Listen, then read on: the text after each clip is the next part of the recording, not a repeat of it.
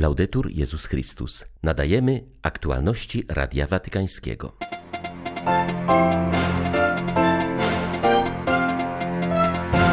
Papież wzywa młodych do ewangelizacji swych rówieśników. Bądźcie odważni, Jezus na was liczy, powiedział na audiencji dla młodzieży z włoskiej akcji katolickiej.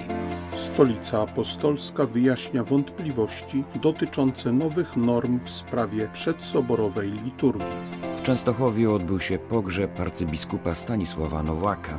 18 grudnia witają Państwa ksiądz Krzysztof Ołdakowski i Krzysztof Bronk. Zapraszamy na serwis informacyjny. Papież przyjął na audiencji młodzież z włoskiej akcji katolickiej. Franciszek podkreślił znaczenie tegorocznego hasła formacyjnego stowarzyszenia, które streszczają słowa dopasowany do ciebie. To zdanie wzięte z języka krawieckiego przywodzi na myśl ubranie szyte na miarę. Wyraża niepowtarzalność i wyjątkowość każdego z osobna, dlatego powinniśmy nosić na co dzień ubranie własnej oryginalności. Ojciec Święty przypomniał młodym ludziom, że w historii nigdy nie było, ani w przyszłości nie będzie drugiej takiej osoby jak każdy z nas. Stanowimy wyjątkowe i niepowtarzalne piękno. Franciszek zachęcił, aby wpatrując się w Jezusa, który stał się naszym bliźnim, uczyć się także bycia obecnym obok innych. Aby przyjąć styl Jezusa, być Jego świadkami, trzeba przede wszystkim być blisko Niego robić mu miejsce w życiu, poświęcając czas na modlitwę, rozmowę z przyjaciółmi i prosić go o siłę w trudnych chwilach. Jezus daje sercu pełną radość, bo tylko On jest w stanie uczynić przygodę życia wciąż nową. On nigdy o Was nie zapomina, zawsze jest gotowy, aby Was zachęcić i nigdy nie przestaje w Was wierzyć. My jesteśmy tymi, którzy o Nim zapominamy wciąż na nowo. On natomiast dodaje Wam energii, dodaje odwagi za każdym razem, gdy idziecie na spotkanie z Nim we mszy świętej, patrzy na Was z radością, szczególnie gdy podejmujecie gesty dzielenia się i solidarności wobec innych, gdy potraficie być blisko tych, którzy są sami, bez przyjaciół, w trudnościach. Pomyślcie o nich, zanieście ich w Waszych sercach, aby porozmawiać o nich z Jezusem. Odwagi, nabierzcie odwagi na waszą drogę życia. Jezus na was liczy. Kongregacja do spraw kultu Bożego udzieliła wyjaśnień w sprawie motu proprio traditionis custodes, którym ograniczono możliwość sprawowania przedsoborowej liturgii. Wielu biskupów, między innymi podczas wizyt ad limina, zgłaszało wątpliwości co do stosowania tego dokumentu w praktyce. W odpowiedzi papież zachęcał ich do pasterskiej życzliwości względem środowisk przywiązanych do tej liturgii i wyjaśniał, że nie chodzi o zaprzestanie jej sprawowania, lecz o zapewnienie wiernym opieki duszpasterskiej i zachowanie jedności Kościoła. Wątpliwości dotyczące nowych norm zostały zreasumowane w wydanym dziś dokumencie, w którym Kongregacja do Spraw Kultu Bożego i Dyscypliny Sakramentów odnosi się do zastrzeżeń zgłaszanych przez biskupów. Pierwsza wątpliwość odnosi się do zakazu sprawowania przedsoborowej liturgii w kościele parafialnym. Watykańska dykasteria uznaje, że biskup może prosić o dyspensę od tej zasady, jeśli nie ma innych kościołów czy oratoriów. Kolejna wątpliwość dotyczy udzielania sakramentów według przedsoborowych obrzędów. Kongregacja postanawia, że biskup może zezwolić jedynie w parafiach personalnych na sprawowanie sakramentów sakramentów chrztu, spowiedzi, małżeństwa i namaszczenia chorych. Natomiast zakazane jest sprawowanie sakramentów udzielanych przez biskupa, czyli święceń i bierzmowania. W kolejnym punkcie kongregacja potwierdza, że wybór czytań określa przedsoborowy mszał, z zastosowaniem jednak tłumaczeń zatwierdzonych przez poszczególne episkopaty.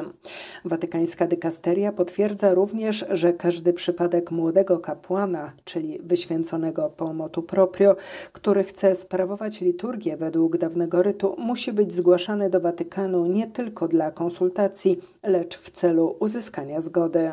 Kongregacja stanowi ponadto, że uprawnienie do sprawowania dawnej liturgii dotyczy jedynie terytorium własnej diecezji. W ostatnim punkcie dokument zakazuje sprawowania drugiej mszy w tym samym dniu w przedsoborowym rycie, bez względu na to, w jakiej formie sprawowana była pierwsza msza tych dniach betlejemskie światło pokoju dociera do ponad 30 krajów świata.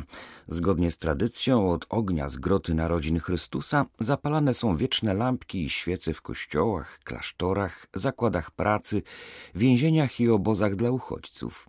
W Polsce ta harcerska akcja przebiega pod hasłem Światło nadziei. We Włoszech towarzyszą jej słowa Stańmy się światłem, by uzdrowić ziemię. Właśnie dziś betlejemskie światło pokoju zanoszone jest do najdalszych zakątków Półwyspu Apenińskiego. W tym roku naszej akcji towarzyszą słowa Stańmy się światłem, by uzdrowić ziemię, mówi Radiu Watykańskiemu skaut Massimiliano Costa.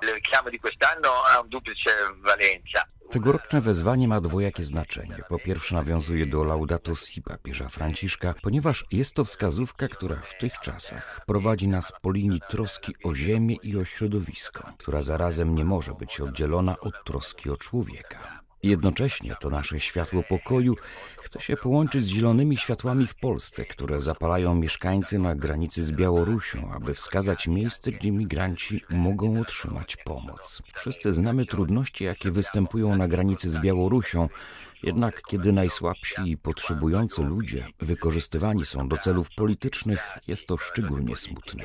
Tak więc betlejemskie światło pokoju musi przynieść pokój w relacjach obywatelskich, w godności ludzkiej i współistnieniu wszystkich narodów.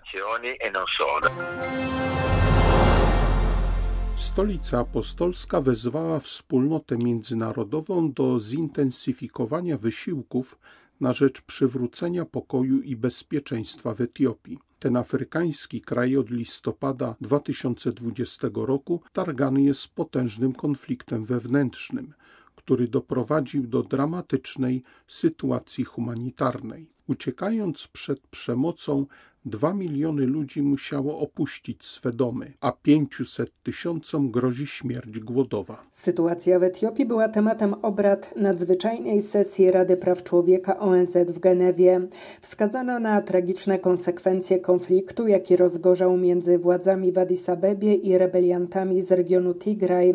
Ksiądz John Putzer ze stałej misji Stolicy Apostolskiej przy tej organizacji wyraził zaniepokojenie pogłębianiem kryzysu humanitarnego który, jak podkreślono, wkrótce może rozlać się na inne kraje tego regionu.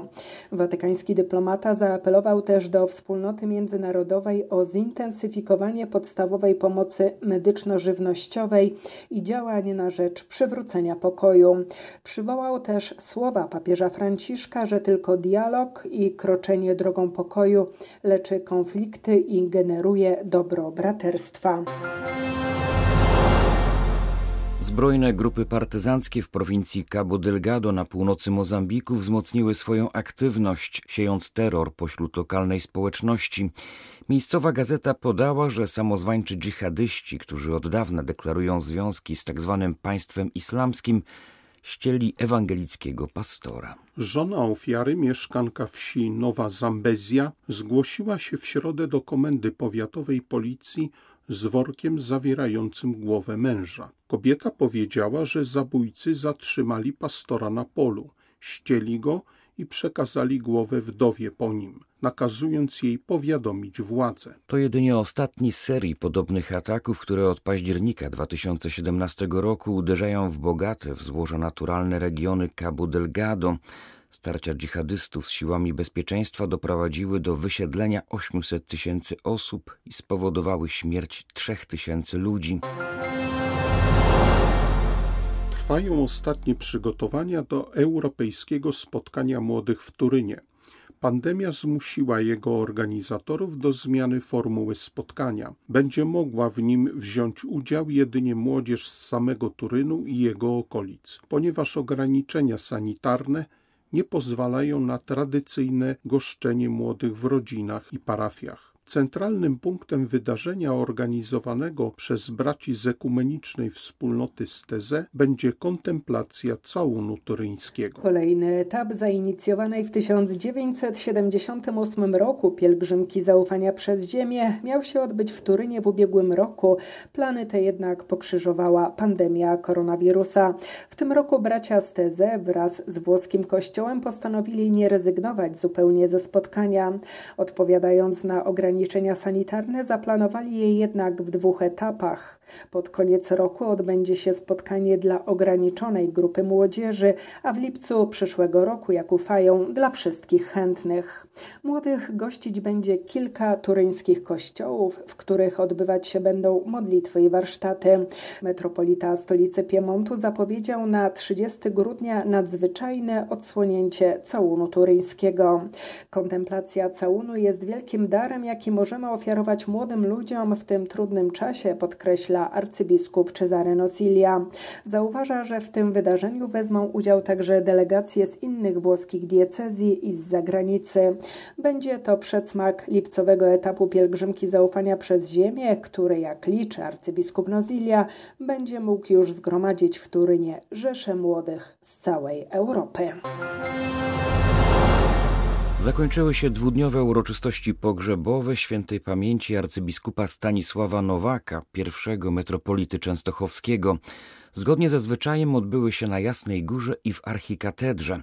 Ciało zmarłego w niedzielę 86-letniego arcybiskupa seniora zostało złożone w krypcie biskupów częstochowskich w podziemiach Bazyliki Archikatedralnej. Na uroczystości pogrzebowe papież Franciszek przesłał telegram, który odczytał biskup Andrzej Przybylski. Wspominając jego gorliwą posługę, którą pełnił jako pasterz tej archidiecezji, wznosi za jego duszę żarliwą modlitwę, zawierzając go przemożnemu wstawiennictwu Matki Bożej Częstochowskiej, Królowej Polski. Od Maryi uczył się upodobnienia do Chrystusa poprzez miłość i służbę według stylu wiary i posługi papieża z Polski, powiedział wczoraj w kazaniu arcybiskup Wacław Depo. Mszy świętej w Jasnogórskiej Bazylice przewodniczył arcybiskup Marek Jędraszewski. Dziękujemy Tobie za Twoją żarliwość pasterską, za Twoją gotowość przyjmowania także cierpienia, by Kościół wzrastał. Po mszy na Jasnej Górze trumna z ciałem arcybiskupa Nowaka w kondukcie żałobnym przeniesiona została do Częstochowskiej Archikatedry. Tam uroczystością przewodniczył dziś arcybiskup Stanisław Kondecki. Przewodniczący Episkopatu Polski nazwał zmarłego człowiekiem bez reszty oddanym Kościołowi i ojczyźnie. Dla Radia Watykańskiego Mirosława Szemusik, biuro prasowe Jasna Góra News. Spycimierz, wieś licząca 300 mieszkańców w gminie Uniejów, znana jest z dywanów kwiatowych przygotowywanych z okazji uroczystości Bożego Ciała. Tradycja ta sięga początków XX wieku, a niektórzy uważają, że nawet czasów napoleońskich. Dwa dni temu została ona wpisana na listę niematerialnego dziedzictwa kulturowego UNESCO. Jest to jedyna tradycja chrześcijańska z Europy, która w tym roku znalazła się na tej liście. Mówi koordynator inicjatywy wpisania tej tradycji na listę UNESCO Andrzej Szoszkiewicz. To jest proces biurokratyczny. Trzeba udowodnić to wszystko. Gdy mieliśmy też bardzo duże wsparcie naukowców, to trzeba udowodnić w tym wniosku, że to jest tradycja, która spełnia warunki. Takim twardym dowodem to są oczywiście opracowania naukowe. Tych też nie brakowało. Na listę dostało się 36 tradycji z całego świata. Bardzo niewiele. Nasza tradycja, nie dosyć, że się dostała wśród tych 36, to jeszcze nie jest jedną z pięciu, która została wyróżniona przez Komisję Ekspertów.